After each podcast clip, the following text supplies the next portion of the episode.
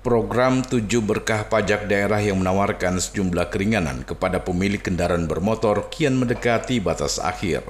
Sejak diresmikan 1 Februari lalu, kegiatan tersebut mendapat apresiasi masyarakat seiring aneka dispensasi yang ditawarkan, semisal penghapusan denda keterlambatan pembayaran pajak kendaraan bermotor sampai bebas bea balik nama.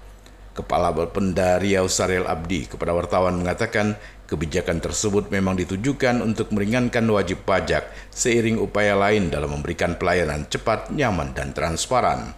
Diharapkannya kebijakan itu memberikan ruang yang lebih lega kepada pemilik kendaraan bermotor dalam menuntaskan kewajibannya.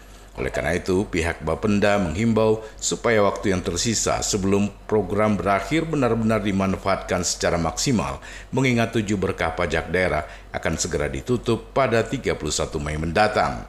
Selain itu, program tujuh berkah pajak daerah ini sekaligus juga ditujukan guna menghindari sanksi penghapusan data kendaraan bermotor sesuai pasal 74 Undang-Undang LLAJ nomor 22 tahun 2009 secara lengkap. Tujuh berkah pajak daerah Riau lebih baik mencakup bebas denda pajak kendaraan bermotor, bebas biaya balik nama kendaraan bermotor, khusus untuk kendaraan pembuatan sebelum tahun 2022, bebas denda BBNKB 2, bebas BBNKB kendaraan hasil lelang, dan kendaraan yang sudah lama tidak melakukan registrasi ulang, bebas pokok pajak kendaraan bermotor terutama tahun keempat, kelima, dan seterusnya Kemudian diskon 50% pokok pajak kendaraan bermotor tahun pertama bagi wajib pajak berbadan usaha yang melakukan mutasi masuk khusus kendaraan pembuatan sebelum tahun 2022.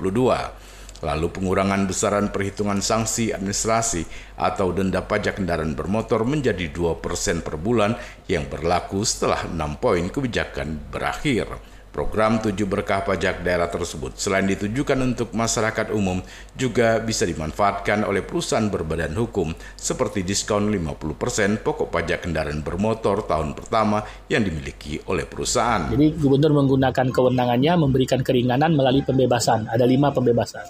Kemudian ada dua pengurangan. Nah pengurangan itu e, berkah yang keenam, pengurangan sebesar 50% atas pokok pajak kendaraan bermotor tahun pertama bagi wajib pajak yang berbadan usaha yang melakukan mutasi masuk ke Provinsi Riau. Jadi pelaku-pelaku usaha terutama kendaraan-kendaraan besar yang beroperasi di Riau yang non BM kalau mau masuk ke Riau itu kita beri diskon atau pengurangan 50%. Nah, selanjutnya eh, menjadi wajib pajak Provinsi Riau. Sedangkan yang ketujuh, pengurangan besaran perhitungan sanksi administrasi denda pajak kendaraan bermotor menjadi 2% per bulan. Ya. Kalau dulu itu kan eh, pengenaannya 25% plus 2 persen per bulan. Nah sekarang jadi cukup 2 persen saja per bulan.